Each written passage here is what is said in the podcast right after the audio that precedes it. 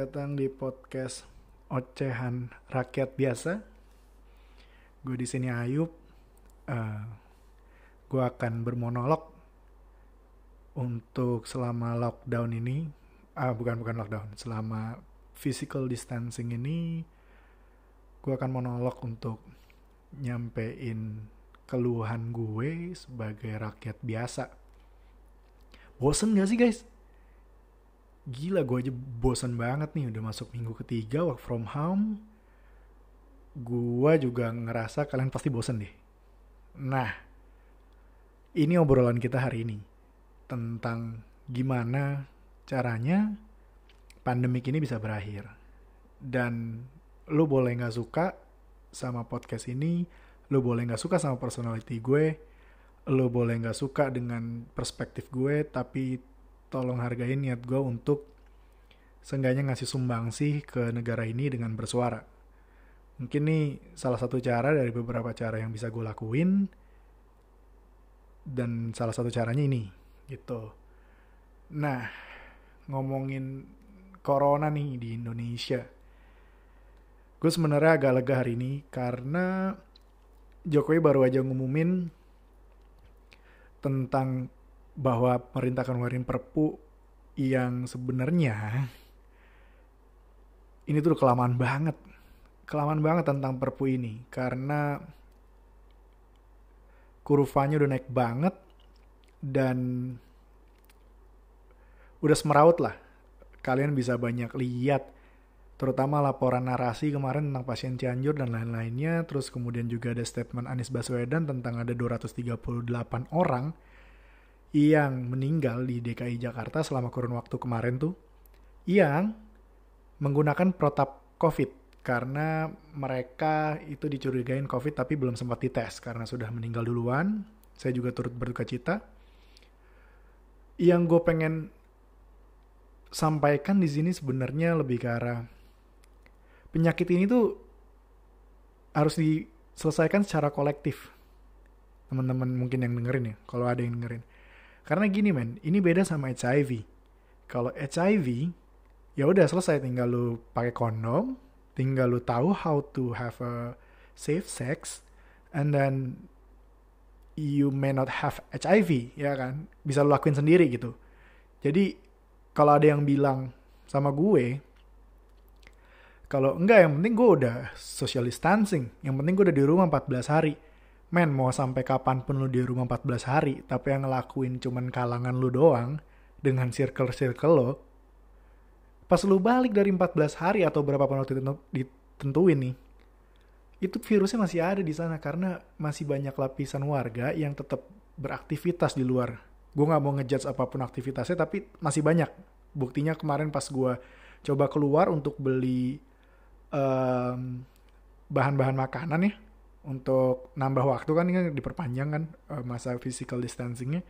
Itu masih banyak banget yang berkeliaran. Gue nggak tahu kena alasannya apa tapi masih banyak. Dan ini nggak bisa. Kalau lo mau bilang yang penting gue udah cuci tangan yang penting gue udah isolasi di rumah bullshit. Virusnya makin ada masih masih akan ada di sana ketika lo nanti keluar dari isolasi lo dan itu akan berulang terus berulang terus berulang terus. Bosen bosen main di rumah terus men.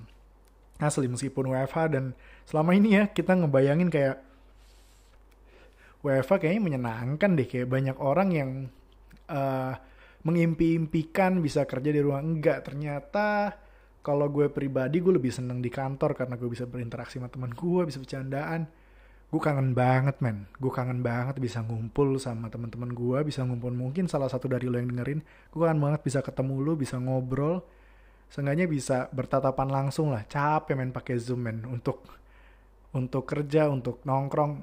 Lama-lama capek dan jenuh di rumah lo lo udah kayak contoh gue gue udah ngelakuin di selingan waktu tuh kayak malam tuh gue coba main FIFA main musik terus gue coba udah ngobrol segala macam udah gue lakuin.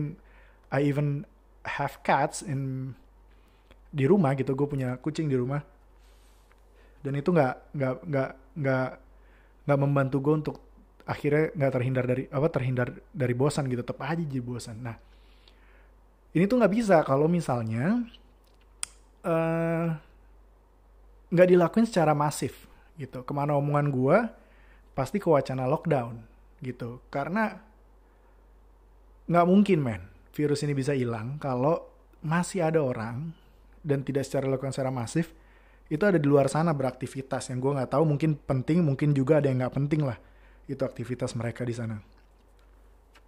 Nah itu yang gue sayangkan mau sampai kapan kita isolasi di sini kalau hanya sebagian kalangan lu doang nih yang itu melakukan isolasi dengan disiplin di rumah gitu. Nah kenapa gue bikin podcast ini? Karena gue pengen ngajak lo untuk bersuara. Kenapa? Apa sih pentingnya bersuara? Penting banget tadi di awal gue bilang bahwa Jokowi baru aja uh, ngumumin akan akan mengeluarkan perpu ya dengan nantinya mungkin persetujuan DPR dan lainnya secara mekanismenya. Tapi meskipun ya nanti kita bahas lah perpunya masih abu-abu uh, meskipun ada beberapa poin dan instrumen yang jelas di sana. Tapi menurut gue abu-abu secara teknisnya untuk gimana dilakuin dan lain-lainnya.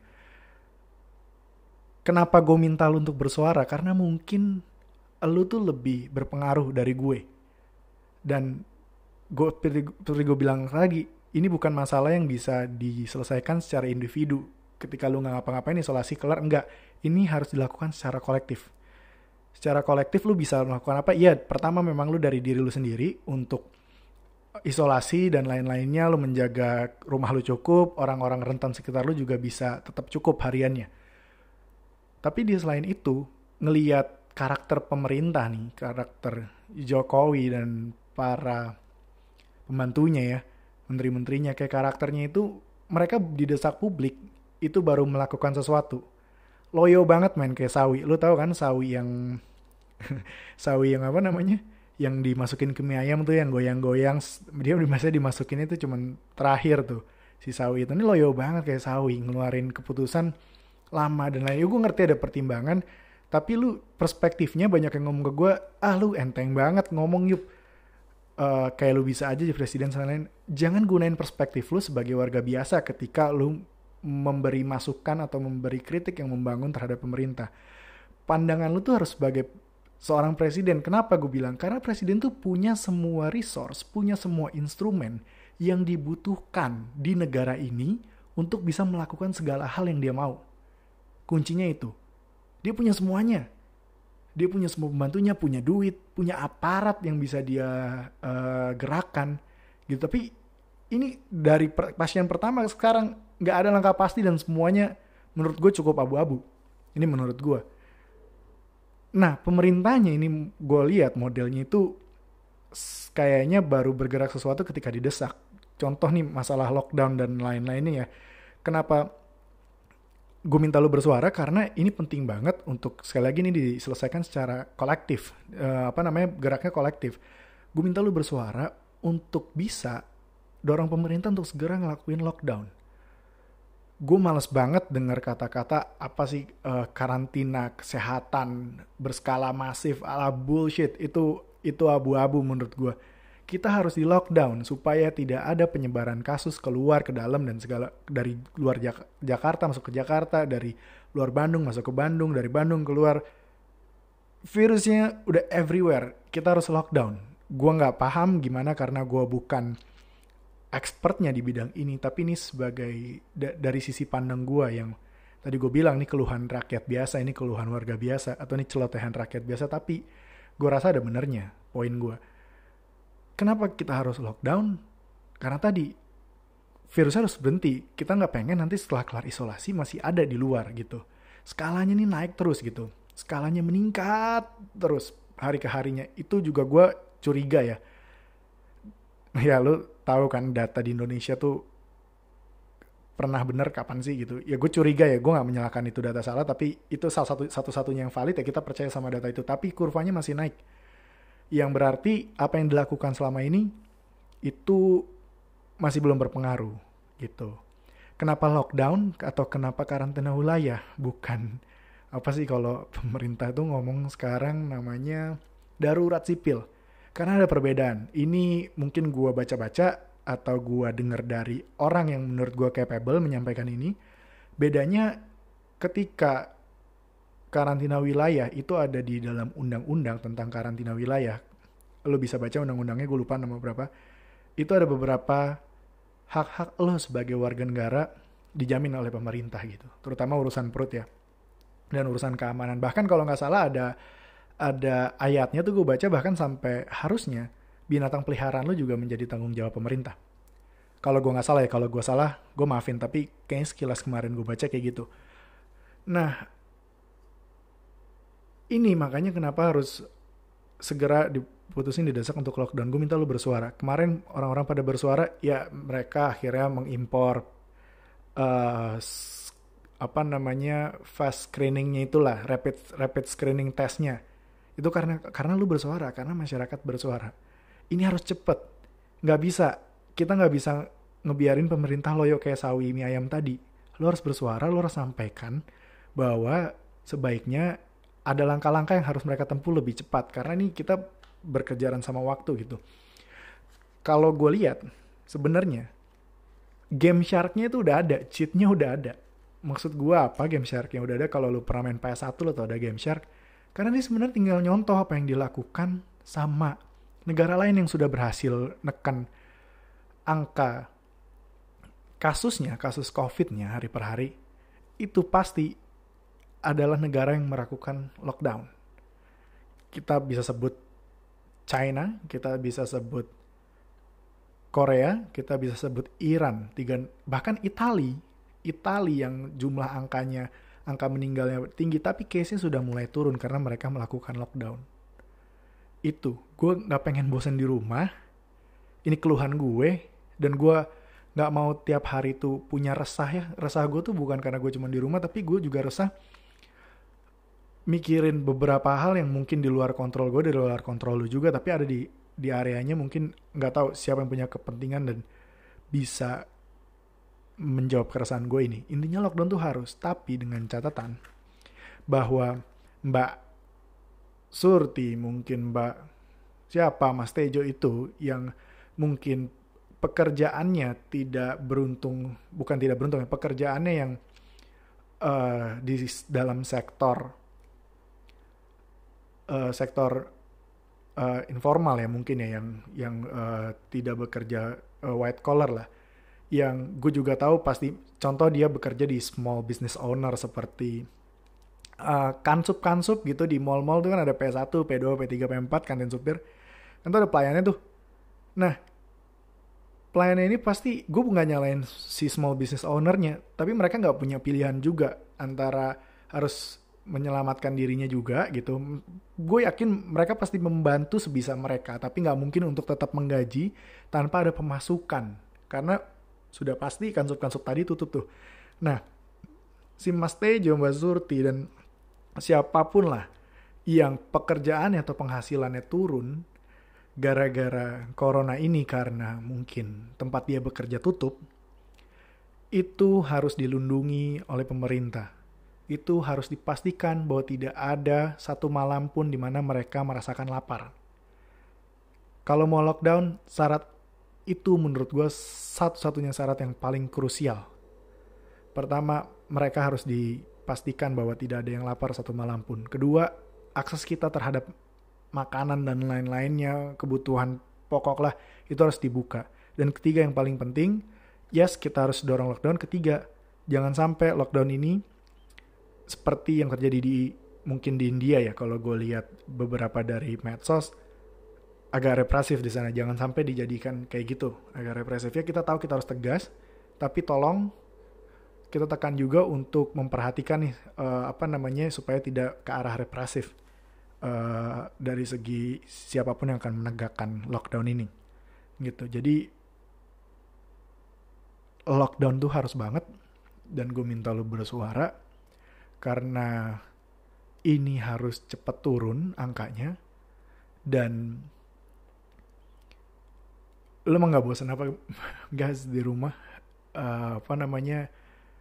Ya gue tahu pasti bullshit lah kalau lo nggak bosan pasti lo bosan banget. Nah ini harus nih. Ini lockdown itu harus. Jadi please sekali lagi gue tekenin ayo kita bersuara kita dorong siapa pun yang membuat kebijakan karena itu satu-satunya cara mungkin di negara ini yang menurut gua bisa cukup membantu lah untuk membuat pemerintah bekerja lebih cepat gitu. Uh, by the way, uh, gue juga punya sedikit cerita bahwa uh, nyokap gue tuh tenaga medis ya di salah satu instansi rumah sakit di Jakarta lah gitu. Dan gue juga punya keresahan gitu tentang uh, gimana lamanya stok APD itu. Maksud gue gini, uh, pastikan orang-orang yang sudah berada di posisinya itu pasti udah yang paling baik lah di negara ini gue percaya itu. Tapi man ini urusan APD aja kalkulasinya di mana gitu? It's crisis tentang si APD ini tuh udah krisis banget. Stoknya minim tapi gue nggak tahu apa komunikasinya nggak nyampe ke gue tapi nggak ada langkah pasti nih sampai until hari ini nih uh, so, sorry sampai tadi tadi tadi sore ketika gue baca berita ada perpu dan uh, banyak turunan kebijakan yang dikeluarin salah satunya punya dana buat APD ini tuh sesimpel lu ngangkat telepon kali ke cukong-cukong sorry bahasa gue cukong uh, ke pengusaha-pengusaha garment pengusaha tekstil lu tinggal telepon sebenarnya. Kayak tolong bantu negara ini. Kita butuh APD in return lu bakal dapat ini ini ini deh gue bantuin secara pemerintah. Ini tuh nggak ada langkah itu gitu loh. Kita udah kehilangan berapa bulan sebelum ada denial tapi nggak dipersiapin tuh si APD-nya bakalan ada lonjakan kayak gini gitu. Ini masalah yang juga gue heran kenapa bisa lama banget gitu. Padahal ini yang paling krusial. Bayangin kalau kita aja tuh skala per seribu tenaga medisnya aja tuh sedikit kecil banget, paling kecil mungkin, salah satu yang paling kecil. Tapi kita malah tidak waspada gitu gimana tenaga medis ini bisa bisa kerja dengan baik dan tidak tertular gitu. Gue nggak habis pikir kenapa hitungan simple seperti ini. Ya lu boleh ngatain gue enteng ngomongnya tapi sekali lagi mereka punya segala instrumen yang yang bisa lu bayangkan untuk mereka gunakan.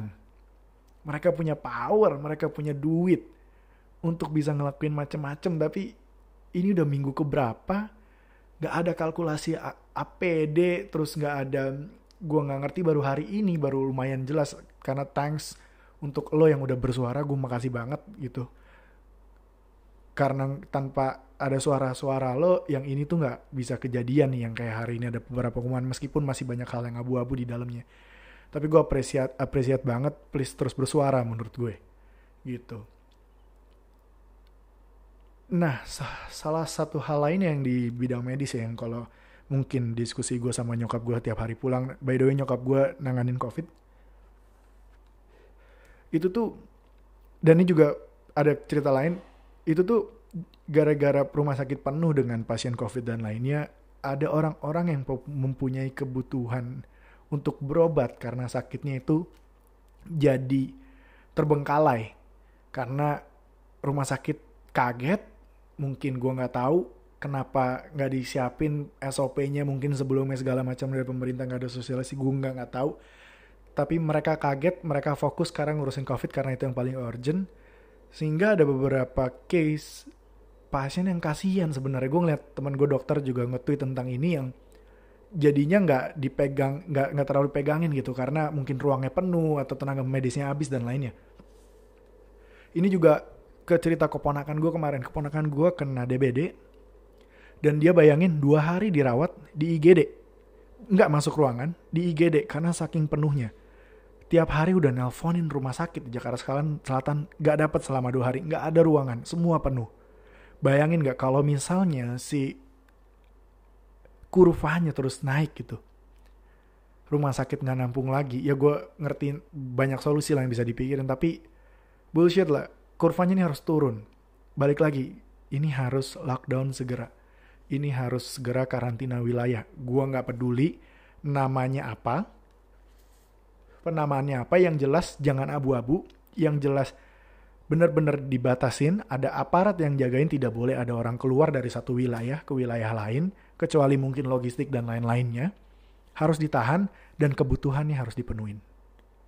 Gue berharap banget mungkin salah satu dari kalian yang dengerin ocehan gue, celotehan gue ini mungkin punya pengaruh please bersuara gue mohon lu banget untuk bersuara mungkin gue bisa traktir lu silin lah. Habis inilah gue mampunya mungkin traktir lu silin tapi kalau lu punya pengaruh entah itu lu punya pengaruh ke orang yang mungkin punya pengaruh atau lu punya pengaruh ke uh, warga nih warga-warga luas sana gitu karena lu mungkin influencer atau apa tolong bersuara tolong sampaikan dan tolong kita dorong pemerintahnya untuk kerja lebih cepat gitu.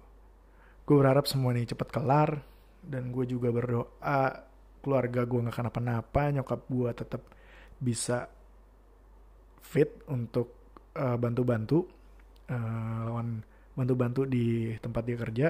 Dan gue juga berharap semua lo tetap sehat secara fisik dan juga mental. Bye